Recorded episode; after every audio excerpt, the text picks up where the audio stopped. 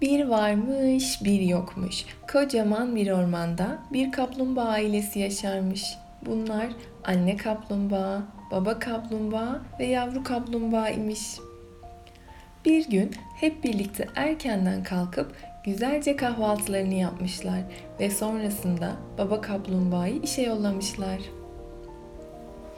Anne kaplumbağanın ise evde biraz işleri varmış ama yavru kaplumbağa bahçede oyun oynamak istiyormuş. Annesinin yanına gidip "Anne, biraz bahçede oyun oynayabilir miyim?" diye sormuş. Anne kaplumbağa, "Tamam kapliş, çıkabilirsin ama kuralımızı unutma. Evden uzaklaşmamalı ve geç kalmamalısın. Yoksa seni çok merak ederim." demiş. Yavru kaplumbağa annesine tamam demiş ama o sırada aklından oynayacağı oyunları geçirdiği için annesinin ne söylediğini tam anlamamış.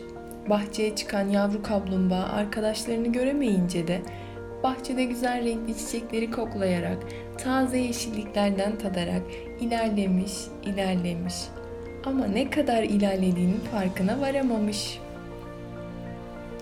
Geriye dönüp baktığında evden çok uzaklaştığı için eve nasıl döneceğini bilmiyormuş. Hatırlamaya çalışmış fakat hatırlayamamış ve bu durumdan korkarak ağlamaya başlamış.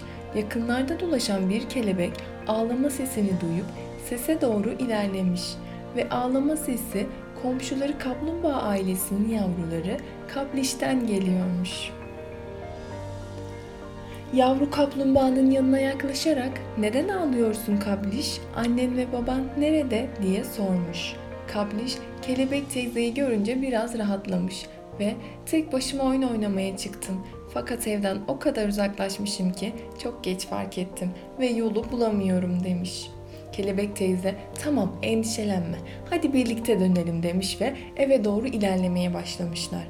Anne kaplumbağa endişeli bir şekilde kapişi bekliyormuş ve kapişi görünce hemen birbirlerine sarılmışlar ve çok mutlu olmuşlar.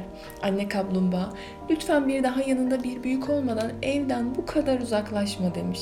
Yavru kaplumbağa ise tamam anneciğim söz veriyorum ve aynı zamanda seni daha dikkatli dinleyeceğim ve Kelebek teyzeye teşekkür edip evlerine dönmüşler.